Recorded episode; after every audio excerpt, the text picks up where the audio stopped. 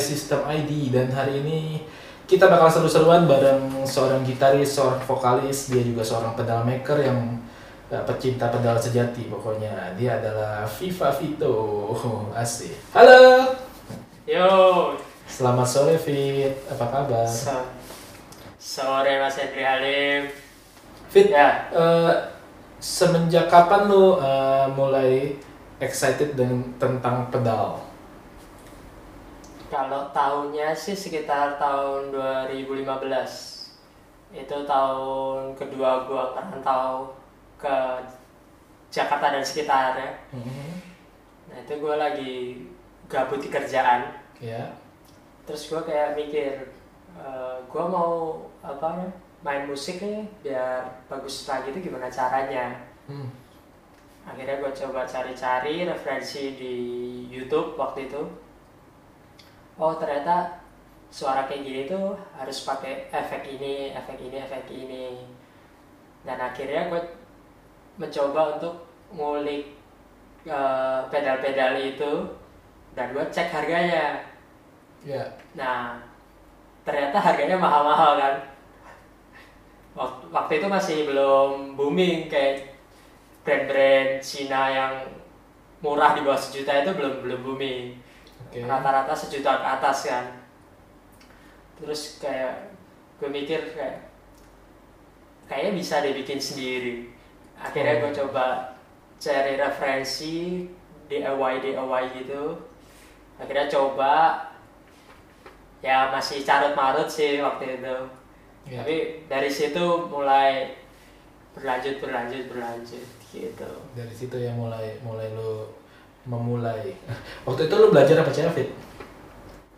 nah sebenarnya gue awalnya itu otodidak jadi benar-benar pure belajar dari YouTube Hmm. bahkan mencoba untuk etching PCB sendiri Yes. terus di board sendiri nah terus wak- waktu itu gue masih eh, apa ya, kuliah karyawan di salah satu universitas di Jakarta Barat ya ya Oke oke. nah di situ gue kayak eh, mentok lah intinya kayak gue nggak ada nggak dapet ilmu yang mau yang gue mau nah kebetulan itu waktu itu ada gathering pedalboard setup Ya. kebetulan tempatnya di rumahnya Mas Henry kantor GFI yang pertama Oh Mas. Hendri Wijaya ya. Iya Mas Henry dia Wijaya seorang founder dari GFI System, penemunya. betul Asik. Terus terus terus. Nah di situ gua kaget, kagetnya tuh kayak eh, yang gua tahu rata-rata pakai 3PDT yang cetek gitu loh. Hmm. Nah ini kok udah pakai soft switch, gua kayak Oke. "Eh, ini caranya gimana ya? Ini kayak keren banget nih, gitu. Hmm. Di Indonesia udah bisa kayak gini. Dulu dulu berarti di Indo belum ada yang kayak gitu ya? Setahu gua belum. Oh, Oke. Jadi kayak, wah ini kayaknya gua harus belajar nih. Oke. Nah, waktu itu kelar apa namanya? Gathering, Hmm, hmm. gue memberanikan diri. Eh, mas, saya boleh eh, waktu itu ngobrol sama Mas Hendy ya maksudnya. Iya, iya. Eh, mas, saya boleh nggak kalau weekend saya belajar ke Mas Hendri untuk apa? Gimana cara bikin pedal atau apa Oh. gitu? Oh berarti lu kayak mengajukan gitu ya? Iya, Mengajukan diri ya? Oke oke oke. Terus terus terus. Nah, di situ gue sebenarnya udah colot dari kuliah. Oh oke. Eh, ah, akhirnya gue colok tapi Yang- datang yang- ke yang- sini Yang, yang diomongin datang nih asik. Yang diomongin datang. waduh Halo Mas Henry. Oke oke lanjut lanjut. ya jadi gue nggak nggak ke kampus tapi gue malah ke ke rumahnya Mas Henry untuk belajar nah terus gue belajar berapa kali berapa ya sekitar dua minggu sekali lah sampai tiga kali pertemuan Ya. terus tiba-tiba gue lagi di kosan dapat WA dari Mas Henry untuk diajak join CFI. Oh, wah tuh hati lu gembira sekali bang ya. Oh, kalau kata orang Jepang doki doki. Dan gila. Gue orang Jepangnya nggak tahu. terus terus terus. Ya jadinya gue kayak wah itu dilematis banget sih. Hmm. Maksudnya kayak gue akhirnya itu memutuskan untuk gue nggak lanjutin kuliah gue Oh, karena gue nggak apa menurut gue nggak worth it. hmm, hmm. Jadi ya ya udah ntar aja kuliahnya. Nah terus yang di kantor juga gue pertimbangin. Ya waktu itu ada sedikit negosiasi lah. Hmm. Nah, akhirnya memantapkan diri untuk ke GFI. Oke. Dan waktu itu GFI belum belum apa namanya? Belum segede ini juga ya. Hmm, hmm. Maksudnya benar-benar ya masih di rumah gitu-gitu. Hmm. Itu bahkan gue Terus terus. eh, pindah ke JFI, gue nggak cerita-cerita keluarga dulu. Oh, wow. Oke oke. Jadi kayak setengah tahun setelahnya baru gue cerita. Berarti lo kayak ini ya, kayak orang kawin lari jatuhnya ya. Enggak, enggak. Nah, bercanda ya. Jadi gini, eh, itu kan big deal banget. Jadi lo akhirnya memutuskan kalau lo meninggalkan kuliah itu poin penting. Karena pasti kan orang kalau ninggalin kuliah tuh wah gila banget ya. Orang berani banget. kenapa kenapa lo akhirnya memantapkan diri untuk berani ke sana, Fit? Lebih ke masalah worth it atau enggak. Hmm. Jadi gue kayak memproyeksikan diri gue eh, kalau lulus kan 4 tahun ya. Ya. 4 tahun setelahnya tuh gue jadi apa? Ya. Misalnya kayak gue tetap kuliah. Dan gue nggak nggak ambil kesempatan ini misalnya. Ya gue cuman jadi apa ya sarjana pada umumnya gitu ya. Hmm. kayak mempunyai kehidupan yang normal-normal aja. Oh. padahal gue pengen punya jalan yang ya mungkin dalam tanda kutip beda dari orang lain atau enggak punya sesuatu yang menarik aja lah di hidup gue Oke, berarti lu emang dan out of the box juga ya? Ya, cukup out of the box. jiwa-jiwa nekat senimannya muncul juga. Asik. ya begitulah Bang. Ya, ya. akhirnya akhirnya berarti se- sejak itu lu udah mulai gabung di JFI ya berarti ya? ya empat tahun yang lalu Ya, empat tahun yang lalu. Ya itu gue pengen tahu tuh maksudnya sejarah semenjak lu gabung di JFI itu gimana sih awalnya? Ini seru nih. Ya sebenarnya sih kalau kerja ya kita bilang kerja suka dukanya pasti ada. Ya. Gimana eh, lo bisa achieve sesuatu, Hmm. terus ya lalai juga pernah. Pernah ya, nam- pernah. terus terus. ya pada intinya gue percaya pada proses. Oke. Maksudnya eh, dan waktu itu juga awal gue gabung tuh, gue juga udah yakin dulu. Eh, apa namanya kayak eh, brand ini kalau misalnya terus berinovasi terus maksudnya kayak berkembang Hmm.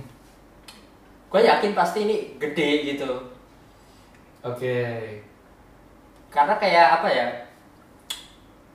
apa namanya kayak apa ya sebetulnya bibitnya tuh kayak udah bagus gitu kayak misalnya kayak dilihat dari specular reverb V2 waktu itu Hmm. Berarti lu awal masuk di itu pedal itu. ya Oke. specular reverb V2 Oke. nah itu kayak nah ini bukan yang maksudnya bukan yang lain gitu loh Hmm. maksudnya kayak kita lihat di luar negeri juga ada builder-builder tapi kan juga masih pakai 3PDT Betul. ya kali ini kan udah kayak programming juga Hmm. Gitu-gitu pakai DSP Ya, itu kan waktu, zaman 2015 kayaknya belum banyak yang main DSP juga Oke. Di lokal apa di luar? Apa semuanya? Eh, kalau di luar kan cuma brand-brand gede Oh, oke. kalau nggak salah ya Kalau yang butik-butik masih ini ya, yang handmade handmade tuh masih nggak terlalu banyak berarti ya. ya paling mentok di echo atau enggak Hmm. analog delay kan Hmm, hmm, hmm. ya paling gitu Di situ, oke. Ya. Berarti eh, lu kan masuk dari itu ya pedal-pedal apa namanya? eh Specular Reverb 2. Nah, gue pengen tahu waktu pengerjaan waktu itu lu pas masuk ke Jeva itu posisinya lu dalam posisi udah rame belum sih kantornya udah besar belum sih atau kayak gimana? Coba ceritain dong. gue kepo banget nih kepo. Kata Yonas tuh itu ada Bapak Yonas Darja yang lagi nonton. Halo Bapak Yonas. jadi waktu itu tuh kayak masih satu meja besar Hmm. dipakai berdua Dipakai berdua siapa aja? Gue sama Mas Hendri Oh, oke. Eh, jadi kayak masih sebelah alat ada beberapa yang masih gantian juga Mhm. jadi kayak ya bener-bener di cuma di satu ruangan aja di satu meja Oh, oke. Berarti masih bener-bener lu saling menopang ya. Tapi maksudnya kalau dilihat dari perkembangannya sekarang kan udah wow, J5 udah maksudnya ya di, lumayan dikenal lah di mana-mana gitu, termasuk di Eh. negara luar di sana. Oke, nah sekarang yang pengen gue tanya adalah eh, pedal-pedal favorit dari seorang Viva Vito apa sih untuk pedal J5? Tadi kan udah ngomongin sejarahnya, sekarang kita ngomongin pedalnya sih. Specular Tempus Specular Tempus. Kenapa, Fit? pertama gua ketika main gitar Hmm. gua ngerasa main gua tuh biasa aja Oke. Ket- ketolong karena pakai reverb Oh. Reverb sebagai pelarian gitu ya. Asik. betul saya cuman tong teng teng kan ada decay ya apa aja Oh. Jadi kesannya dramatis. betul nah jadi bongkar kelemahan gua Oke, oke. nggak bercanda Nggak, terus, terus, terus. Kenapa, kenapa Spe- Specular Tempus? ya pertama itu karena gua butuh reverb Oke. yang berikutnya adalah itu kan kayak specular reverb sama clockwork delay Hmm. di combine jadi satu Hmm. in a box dan itu menurut gua ben- bentuknya sangat compact Kecil ya berarti dia uh, di pedal tuh fit banget gitu ya.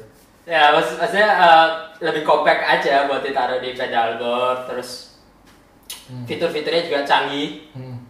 itu sih Nah, jadi kayak kalau- worth it lebih ke worth it ya Nah, kalau misalnya kita ngomongin secara detail, ini kan banyak nih pengguna spek- eh, spekular tempus kan di Indonesia. Oke, eh, dari segi algoritma yang paling lu favorit apa? yang paling sering gua pakai aja ya Ya, tap echo Tap Echo satu, oke. Terus echo yang biasa. Mm-mm. terus spatium. Spatium, oke.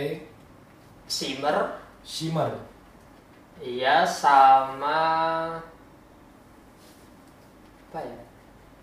Paling yang aneh-aneh sih kalau yang untuk eksperimental doang kali ya. Mhm. gitu kayak anti shimmernya atau vortex. Oke, nah eh, spekular reverb sendiri sangat menunjang nggak sih buat kebutuhan musik seorang Viva Vito asik. Dari segi ya dari segi sound pastinya lo apakah cuma pakai buat saat live, apakah lo pakai juga buat rekaman gitu. Kadang-kadang orang rekamannya banyak kan pakai dari DAW kan ada plugin gitu-gitu. Kalau dari lo gimana Fit? kalau gua pakai di semuanya masih Oh, live pakai. pasti bahkan kalau cuman akustik aja gua tetap pakai reverb specular tempus Oh, lu cukup nagih berarti ya. Addicted to specular tempus karena di, Iya. semua, di semua lini lu pakai berarti ya. Iya. Jangan-jangan Pas pas, rekaman juga.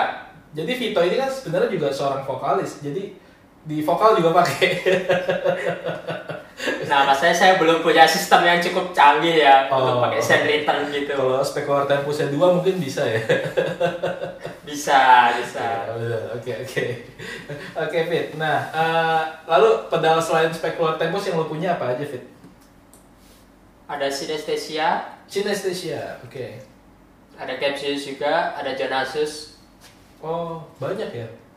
Ya, banyak, Pak.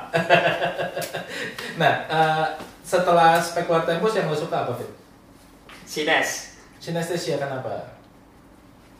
Ya karena itu tadi worth it lagi. Kayak in a box seukuran gitu, Hmm. dual engine sekarang. Dual engine, Ya kan? betul betul. Kalau Tempus kan single engine. Hmm. Kalau Sinesthesia udah dual engine. Ya. Bisa di seri, bisa di paralel, bisa di split. Nah, terus apa kayak apa namanya? preset-preset suaranya tuh ya emang bagus gitu. Oke. Sebenarnya kayak apa? Apa namanya? eh, sebutnya gimana ya? Kayak gua butuh flanger, Hmm. tapi flangernya bisa gua tipis tipis juga gitu. Jadi Oh. bisa gua combine sama chorus Hmm. dan dan bisa running bersamaan. Jadi kayak bikin karakter yang lebih beda. Iya, iya. Jadi kayak kayak ini, maksudnya lu kayak bakal menemukan suara yang biasa nggak lu punya gitu ya. Betul. Betul. Dan lu udah berhasil membuat suara-suara itu. Eh, nanti dicek di EP ya. Oh. dan dan katanya nanti malam dia bakal ngupload sebuah ini ya permainan gitar di Instagram dia, Instagram dia Viva Vito bakal ngupdate dia lagi main lagu Incubus katanya dengan pakai Yoi. synesthesia. Betul ya? Betul ya? Tapi cuman satu potong lick aja. Oh, gue kayak tahu banget banget soal lo gitu. Oh, s- Asik. Padahal tadi sebelum ini udah briefing dulu, udah dikasih tahu. Iya. Fit, lalu, eh, nah sekarang eh, yang pengen gue tahu adalah eh, setelah lu udah digabung di JFI System, sekarang eh, lu ngapain sih di JFI System sebagai tim ya? Oh, Nah di kantor kerjaan lu ngapain? ya? Apakah lu gangguin Mr. Henry atau lu ngapain? Nah, coba cerita ceritain dong. iya gue sekarang jadi engineer aja lah ya nyebutnya ya. Hmm, hmm. Jadi engineer ya bantu-bantu Mas Henry untuk ngatur alur produksi Oke. terus apa namanya Ban- apa namanya megang QC juga Hmm, hmm. terus eh, megang untuk keperluan stok komponen Oke. kayak gitu Wow, wow, wow. Berarti memang Wah ini dahsyat juga dia ternyata sangat-sangat berpengaruh juga asik. Bro Vito, eh, kalau Ya. dari lo lihat eh, apakah DeFi system sudah mendunia belum sih? Sudah sih Sudah. sudah Karena kalau misal sekarang kalau misalnya kita mau nyari DeFi system udah di negara apa aja lo tahu nggak? Yang lo tahu aja deh, yang lo tahu aja. kayaknya sih udah banyak banget sih pak Banyak ya. iya kayak misalnya lu cari di YouTube aja Hmm. GFI system gitu Hmm. udah udah satu penuh tuh udah lebih mungkin Oh. ada videonya semua Jadi kalau di search engine ternyata JFI system udah lumayan kelihatan ya. ya Baik, tapi yang yang seru sih karena yang nge-review banyak kan orang luar sih jadinya seru jadinya gitu. Jadi eh, kayak kita ngelihat oh kalau orang luar yang nge-review tuh gaya mainnya tuh bisa beda banget gitu. ya benar dan bahasanya juga Yoi, bahasanya. kadang as- asik juga gitu dengerin apa orang misalnya Jerman atau apa Hmm. Gue juga asik kalau denger, denger yang Meksiko Meksiko gitu, Bet. Kayak bingung, Oh. bingung apa sih artinya. Apa sih ini gak jelas ya. Oke, Vito, eh, Vito merupakan eh, seorang gitaris dan vokalis dari Call Me Monster. Tapi gue pengen ngulas dari sejarah bermusik lu dulu nih, Fit. Oke, eh, Boleh, lu kapan sih mulai mengenal musik? kalau mengenal musik sih dari balita mungkin ya Oh, dari umur balita. 4 4 5 tahun Dari lagu apa? Twinkle Twinkle Little Star kah? Ah ya lagu-lagu kanak-kanak kan lagu hal yang wajar Hmm. kalau lagu-lagu ya maksudnya bukan di luar lagu anak-anak Hmm. waktu umur 4-5 tahunan itu Ya. ada dua lagu yang ah, tiga lagu yang pertama tuh My Heart, My Heart Will Go On-nya Celine Dion My Heart Will Go On Celine Dion. Oke. Eh, kenapa dulu? Kenapa? Kenapa lagu itu? karena om gue itu pelayaran Hmm. zaman dulu udah beli apa ya, CD-nya Oke. nah, jadi ya gue sering banget denger lagu itu Oh. Secara nggak langsung kayak ini ya kedengeran terus kayak lu ke ke brainstorm gitu. iya dan tapi emang bagus juga kan Oke, bagus banget. Ya. romance-nya tuh dapet gitu loh Hmm. Kalau dengerin lagu itu kayak pengen buka tangan gitu kan. ya terus terus. Nah, yang kedua tuh sebelum almarhum Didi Kempot terkenal Oke. Hah.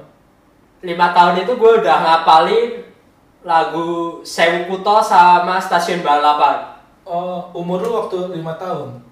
iya Oh, gokil gokil gokil. waktu itu gue malah diangkot itu ya namanya anak kecil ya Hmm. nyanyi aja random gitu Oke. lagu Didi Kempot Iya. sampai eh, ada orang di dalam angkot itu bilang ke nenek gua "Eh, bu cucunya kok pinter nyanyi gitu Oh. Berarti di situ bakat lu sudah mulai dilihat ya dari oleh seorang tukang angkot berarti ya. Iya maksudnya penumpang penumpang Oh, seorang penumpang. Oke. ya Wah, itu gokil juga bakat tuh bisa dilihat sama penumpang angkot lainnya ternyata. nah, masalahnya nenek gua yang malu Kenapa? Lu nyanyi-nyanyi di dalam angkot soalnya. Iya. Iya, cukup. Berarti emang dia mentalnya baja dari kecil udah pede banget. iya betul padahal suara mah nggak biasa-biasa aja Oke, oke. Lalu lalu ya ketiga itu meskipun gua nggak hafal hmm.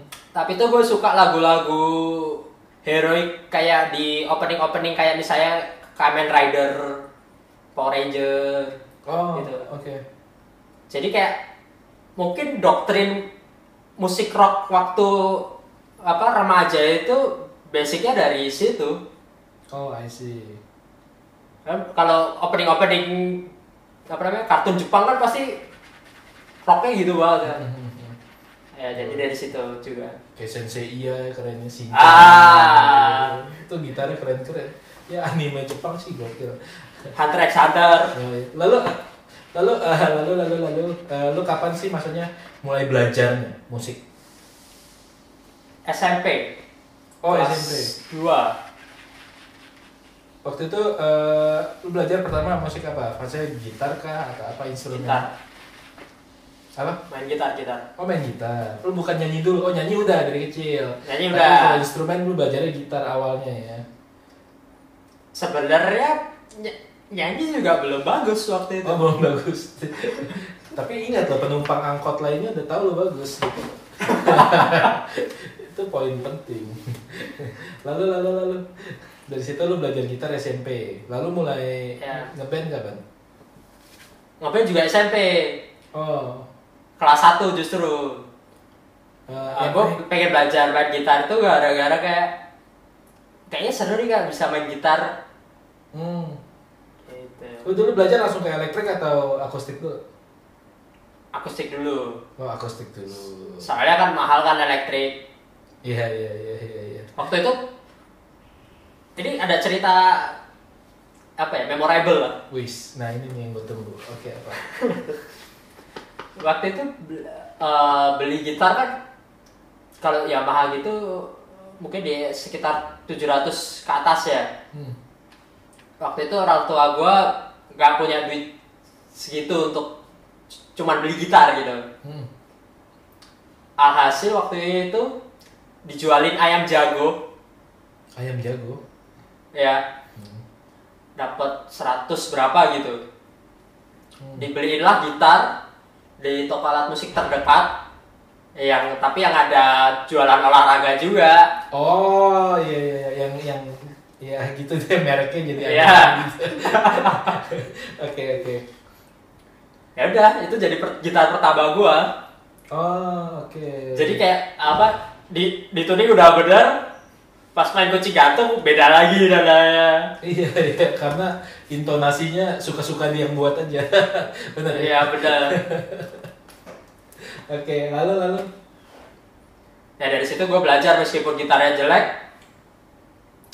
Bukan bukan berarti gue jelek-jelekin ya, tapi maksudnya kondisinya kan nggak standar seharusnya Oke. tapi di situ gue tetap belajar untuk biar gimana bisa main kunci-kunci yang benar dulu Oke. gitu akhirnya sampai eh, ya sekitar SMK mungkin gue baru bisa bisa basic kayak kunci gantung atau apa I see. Oh, Oke. Nah, eh, kalau mau ditanya tentang ini motivasi pertama ngeband. Nah, kan kalau sekedar main gitar kan beda nih. Kalau gua motivasinya biar gua juga cewek-cewek gitu. Kalau lu apa? Enggak lah. Oh, Eh, mungkin bawaan lahir gue kayak gue ini orangnya cukup berani di depan panggung Oke. Nah terus waktu itu eh, di ta di awal-awal SMP, Hmm. akhir SD itu kan zamannya Peter Pan. Peter Pan. Album yang mana? Ya. Albumnya. Mungkinkah bila bertanya yang pertama-tama apa yang udah yang album? Iya iya, yang pertama Pertama, oke. Alexandria ya. Bukan. Nggak tahu nama albumnya apa. Ah, ya, pokoknya itulah. Iya, lupa saya. Nah, terus kan it- itu kan keluar Niji, The Massive, Oh ya, band 2000-an muncul ya. Eh 2000-an muncul. Oke. Nah itu itu gue kayak ke trigger aja, kayak wah wak- waktu itu sih referensi gue masih Peter Pan ya. Hmm. Oh, referensi lu per... Jadi lu salah satu yang terpengaruh sama ini berarti ya si Lukman dan Uki. Iya, Arielnya enggak pak. Ariel ya Kan ngomongin gitar. Oh iya iya. Kalau Ariel kayaknya udah banget sampai sampai sampai sekarang potong rambutnya itu Ariel banget. Asik. tes umur. Tuh ada yang dari GF GF Sistem tes umur. Kemarin eh, sempat podcast sama Yonas tuh. Bapak Ya. Yonas yang ganteng itu dia suka dia bisa nunjukin lagu-lagu Protonema, Voodoo. Eh, pasti lu nggak tahu kan band-band kayak gitu? Nggak tahu, Dit? Asli nggak tahu. Nggak tahu. Vita masih terlalu muda, dia lahirnya di Peter Pan, Niji. Enggak, tapi sebenarnya gue ngulik lagu-lagu jadul juga. Oke. Eh, tapi eh, yang yang apa namanya lagu pertama yang lo bisa di gitar apa? Jujur ya. Apa? lagunya hijau daun. Hijau daun. Klorofil. Oke. Yang apa? Suara. Eh, cobalah waktu itu kalau nggak Oh, salah. coba lah. Gua belum pernah denger juga. Nanti gua denger. Oh, beda- berarti lo dari lagu itu ya pertama ya? Ya, gua gua termasuk yang masuk ke pop Melayu juga sih waktu itu. Oh. Oke oke. Lalu eh, kalau ngomongin kisah ngeband nih, eh, lu ngeband eh, sampai sekarang udah punya berapa band? Banyak nih kayaknya. Banyak pak, tapi tapi sebenarnya gue orangnya muter-muter di situ aja. Hmm. Oh. SMP itu cuma satu band. Hmm. Di SMK tuh satu dua tiga empat sampai lima band. Oke. Tapi kayak yang main tuh rata-rata ini aja gitu. Paling kayak cuman beda personil apa drummer atau basisnya gitu. Oh siap. Oke. Nah sekarang kalau yang band lu sekarang yang sedang lu samudrai asik, sedang lu nakodai asik. Wih, apa tuh apa? Coba kasih tahu teman-teman dong. Kalau di Monster, Call Me Monster. Nah itu band bergenre apakah Fit? Ceritain ceritain. sebenarnya kalau dibilang bergenre apa, kita bingung mau bilangnya. Hmm. Lebih ke nanti kalau misalnya udah jadi karyanya, biar pendengar yang nentuin aja. Hmm. Jadi jadi sebenarnya apa referensinya banyak juga soal. Oke. Nah itu dari Mas Henry ceritain dong dari sumber influence-nya dong. Sumber Oh. influence-nya siapa gitu. Salah satunya pasti Mas Henry.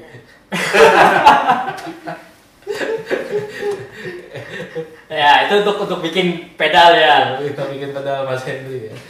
Lalu kalau misalnya untuk musik, musik, musik. Nah, musik kebetulan gua sama gitaris gua yang sekarang ini Hmm. yang udah ngeband dari SMK juga Hmm. itu kita punya referensi yang kurang lebih sama Oke. maksudnya kita nggak fanatik ke satu genre Hmm. tapi kita juga apa ya pengen explore terus Oke. nah jadi Gua, kayak gua, gua langsung terhenti gara-gara ada per, ada pertanyaan eh, itu cerita tentang sumber influence-nya dong bawahnya dari mantan-mantan coba.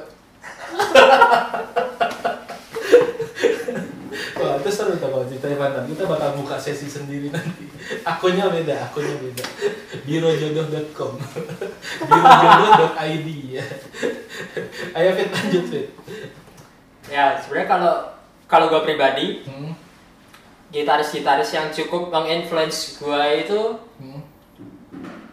pernah gue di eranya apa sangat terinfluence sama Noel Gallagher Noel Gallagher. Oasis. Oke.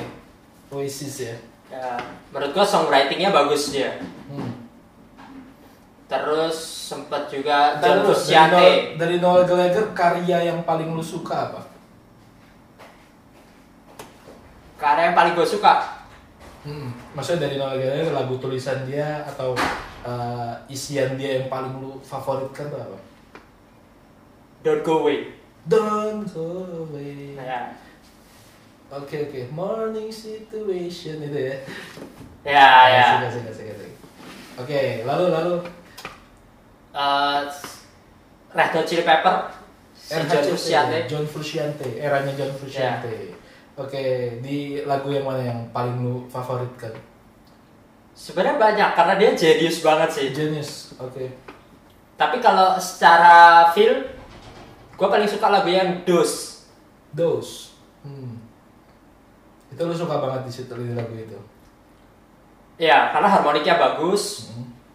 terus kayak uh, riffnya juga pas aja gitu. Lu pernah nonton gak sih Fit, satu video tuh di di YouTube ya tentang John Frusciante waktu dia mainin dari tahu dia ini orang di di ini ya cuplikan-cuplikan gitu dipotong-potong eh, gaya main gitar John Frusciante dari tahun 90-an sampai tahun 2000-an tuh gila beda jauh banget. Yang zaman dulu masih uh, belum dulu masih ada shred-shrednya. Iya, iya. Tetet. Itu gila sih. ya itu gue gue tahu Lu pernah, pernah, pernah nonton juga ya? pernah gue selalu selalu melihat juga awal dari seorang gitaris ini tuh Hmm.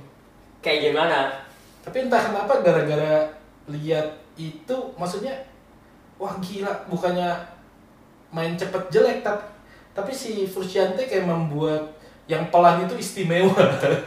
Setuju gak sih? ya Uh, kalau menurut gue kayak dia bisa combine ya, ya, ya. kayak dia tuh menurut gue salah satu lick ciri khasnya itu Hmm. bikin riff yang panjang Hmm. apa sih cepet agak pecet ah, cepet eh agak cepet Pecet, pecet lele. terus tahu-tahu cuman main beberapa note Iya, iya, iya. long note gitu Iya, iya. Itu gila-gila John Frusciante itu memang Iya. biasa. Dan dia salah satu gitaris yang bisa membuat Stormbox yang Gede. lebih lebih besar dari RD 700 ya. Ti- tiga pedal board pak kalau nggak salah Tiga pedal board bener bener bener. Ya, yang yang yang gue suka kayak main distortionnya dia itu kayak Boss DS2. bener Iya. gak sih? DS2 sama Big Muff dia Oh, DS2 sama Big Muff. Wah, gokil Frusciante itu. Anaknya bos banget dia. Banyak banget Iya, bosnya. Oke, itu eh, lalu setelah John Frusciante dan Red Hot Chili Peppers, yang terakhir maksudnya yang paling banyak menginfluence gue ya iya. Dave Grohl dari Foo Fighter Dave Grohl, eh Dave Grohl ya. Dave Grohl itu di Indonesia. Dave Grohl dari Foo Fighters, eh, mantan drummernya Nirvana. Kenapa lu suka sama Dave Grohl? Ya itu itu tadi dia juga apa songwritingnya bagus Banget. dan dia bisa apa di setiap lagu itu punya riff-riff yang unik Hmm. misalnya kita nggak expect aja kayak oh, di album ini lagunya kayak gini Iya. terus di lagu album berikutnya kayak ah paling nanti kayak gini tapi ternyata dia bikin beda gitu Iya, iya. kadang dari halus ke keras tak tahu keras ada lagu melonya banget Tapi kalau ngomongin tentang Foo Fighters tuh gue paling suka kalau pada saat dia bikin footage waktu rekaman ya. Oh, Itu- iya. Itu, itu, itu yang kayak- Sonic Hague itu keren Iya banyak banget dari album Wasting Light, dari album yang lain-lain kayak wah kita tahu jadinya oh si Foo Fighters nih masih mainnya masih semi pita, wah gila ya. Katanya Iya, suaranya iya. bisa bebab bebab wah kayak tebel banget gitu. ya itu makanya Dan dan eh, untuk band maksudnya kalau bisa dibilang kan band yang cukup tua ya kalau band alternatif rock yang eranya tuh 90-an banget tapi udah ngerti banget tentang bagaimana maintain tentang video-video keren gitu. Ya kui bahas Foo Fighter yoi Foo Fighter is wah keren lah Foo Fighters. oh, iya. Ini temen lo Fit. Halo bro. bukan halo bro Salam kenal bro. Eh, Ya mau nanya-nanya tentang Foo Fighters nih ada Dave Gro Dave Grogol di sini. Bukan Dave, Dave. Grogol. Ya itu Oke, lagu Foo Fighters yang paling suka apa Fit? ah banyak sih best of you deh Best of You. Oke. Kenapa? Ya emang, emang, emang, udah pasti keren sih Best of You. iya Ka- karena halus sama kerasnya ada di situ semua Iya, iya. Dan teman-teman boleh nonton di waktu Foo Fighters main di Wembley. Wah itu sampai Dave Grohl nangis-nangis itu wah the best itu harus ditonton rinding. Oke, nah sekarang eh, itu sudah menjawab itu udah belum? Influence lu udah udah terbahas semua belum? sebenarnya masih banyak cuman ya nggak terlalu banyak lah Oke. Kayak paling gue sebutin beberapa band aja ya, Ya. yang gitarisnya cukup menginfluence gue. Hmm. MCR, MCR, My terus Chemical Romance, Sausin, Sausin, You're Not Alone. Lalu uh, Deep Purple juga, di Purple, ya, wes cukup lawas ternyata. iya cukup lawas pak. Hmm. Terus Incubus tadi, Incubus, ya. iya. Incubus. Oh itu itu keren, itu keren Incubus keren. Lalu lalu. T- 30 Second to Mars era awal-awal, Oh, oke. Iya. ya. Smashing Pumpkin, Smashing Pumpkins, wah itu juga. Itu salah satu influence gue juga. Wah ini Izat, Izat, ini ini panggila Foo Fighters. Nanti kita boleh kita ngobrol Foo Fighters nih bareng dia nih. Featuring Asik. di Wembley featuring Jimmy Page, John Paul Jones. Jones, ya. Waktu itu yang nyanyi si Taylor Hawkins kan bawain lagu rock and Oh, roll. ya. Asik. Ad Adiha siapa nih temen lo nih? Oh ya, oh ya One Ok Rock juga gue One, one, Oke Rock. influence gue. Jadi gue punya lucu nih, maksudnya pas ngobrol sama Vito, dia awal tahun lalu dia beli tiket One Ok Rock pengen nonton di Indonesia. kenapa? Kenapa pandemi One Ok Rocknya jadi jadi postpone, sedih dia. Sampai waktu yang belum ditentukan. Oh itu nggak di refund ya? Nggak bisa refund. Oh nggak bisa refund, lo harus nunggu kapan dia datang. Kalau dia datang tahun 2030 harus sabar aja Fit. Sambil bawa anak nontonnya. Sampai bawa anak asik. Oke, tadi eh, belum eh, itu tadi ya eh, musisi-musisi Ya. favorit lo. Eh, lalu kalau misalnya tadi Call Me Monster, Call Me Monster sendiri aktor band apa? Ya pasti nuansanya rock. Oke. Tapi kalau mau dibilang alternatif, pop atau apa ya biar ke pendengar aja. Oke. Jadi kalau kalau kiblat lu sendiri dari lu kan penulis lagu juga di ini kan di Call Me Monster. Ya. Kiblat lu sendiri dari mana? Paling besarnya? Banyak juga sih pak. Nggak apa-apa. Ini Oke. udah kayak wawancara radio nih, makanya lu asik. Siap. Eh, pas proses pembuatan beberapa lagu ini Hmm? yang sering gue dengerin tuh Smashing Pumpkin, Oh, Smashing Pumpkins. Foo Fighter pasti, terus eh Sausin, Sausin, oke. MCR, Hmm.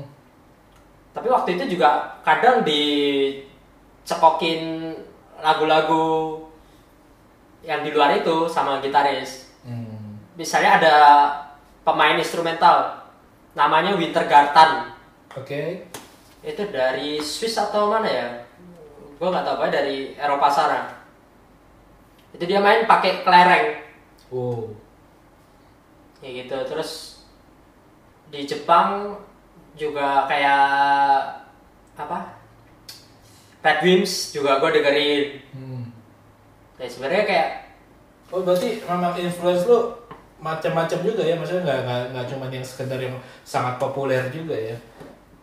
oh ya cukup banyak sih maksudnya gue orangnya cukup kayak di YouTube gitu ya lihat gitu kayak ah musiknya ini lagi Gua kayak- kayak pengen, pengen dengerin mencari yang- beda. ya. Bagus tuh, bener-bener seru seru seru. Lalu kalau Me Monster ini band yang terbentuk dari kapan emang? sebenarnya baru dari tahun lalu Oh tahun lalu masih baru ya? masih baru Hmm, hmm, hmm. sebenarnya karena ke trigger juga Kenapa? tadi ya kan udah nggak running nih band Ya. waktu itu gua kan coba untuk solo Oh solois Ya. ternyata. nah asik asik asik. lalu lalu. Nah, terus waktu itu eh, ternyata responnya cukup bagus. Hmm. Ya meskipun gua akuin mixingannya jelek. Oke. Gue yang mixing sendiri. Oh mixing sendiri. ya itu eh, memang ya ada itu jatahnya khusus-khusus tuh. Iya, Jadi memang harus panggil mixing mixing engineer ya. benar. Makanya yang sekarang IP-nya dipegang mixing engineer. Oh oke. Dan eh, lagu yang udah pernah rilis apa aja Fit? Kalau rilis belum ada, tapi kalau lagu gua yang di solo Hmm. yang judulnya dan bila esok tiba Oke. itu nanti akan diaransemen ulang, Oh di take ulang juga. lagu solo lu bakal masuk ke albumnya si Call Me Monster. Betul. Album ya berarti ya nanti bakal IP IP EP berapa lagu? 6 lagu. empat Oh, 4 lagu. empat lagu aja. Oke, ini seru sih maksudnya di era sekarang masih ada yang mau ngeluarin EP atau album tuh masih wah itu gokil. Karena Ya, emang berat ya juga sih pak. Hah? Ya, tapi tetap ada penggemarnya. Tetap maksudnya banyak banyak masih banyak juga orang yang lebih dengerin CD, kaset atau piringan hitam. Kalau bisa bikin piringan hitam, banyak tuh penggemarnya. Siap. Hmm, tapi Semoga bisa bikin box set pak. Oh, yes. Langsung hubungi Mas Erik Sukamti. Amin. Fit, kan waktu kita juga gak panjang. Eh, Hmm.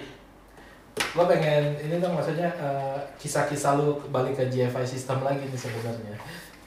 Hmm. Nah, eh, menurut lu kalau sampai sekarang lu di GFI system, GFI system sih apa sih buat lu? Asik.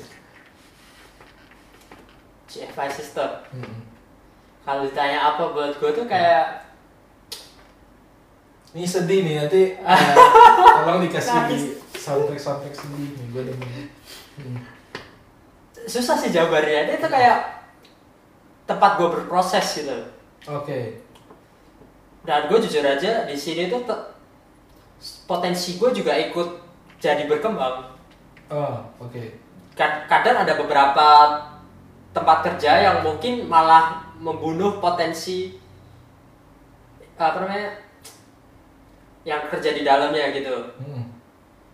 Tapi kalau di sini gue kayak difasilitasi untuk apa ya mengembangkan potensi. Oke.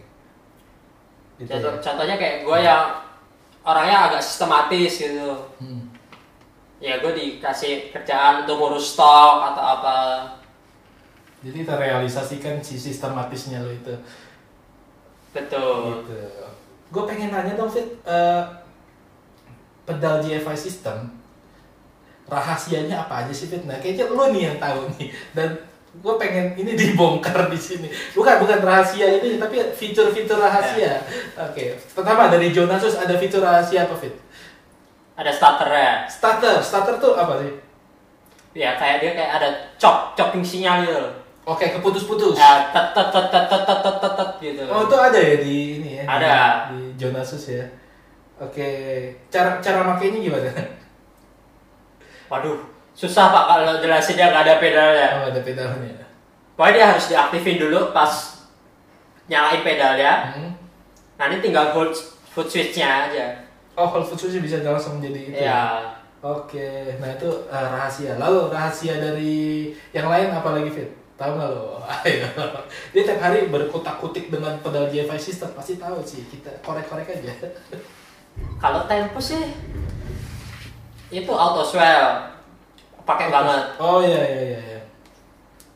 Sama yang itu tuh yang yang tailnya bisa ganti ganti apa ganti bank tailnya tuh masih ada ganti preset atau ganti bank gitu. Oh iya, gue agak gak perhatiin. ya itu biar gua doang yang tahu. Enggak enggak bercanda gua juga. Nggak sebenarnya. Gue soalnya pakai satu preset sampai lagu selesai. Oke. Dia dia pecinta tempus banget. Lalu lalu dari yang lain ada lagi nggak Fit? Kalau sinestesia sih bisa di swap. Oke.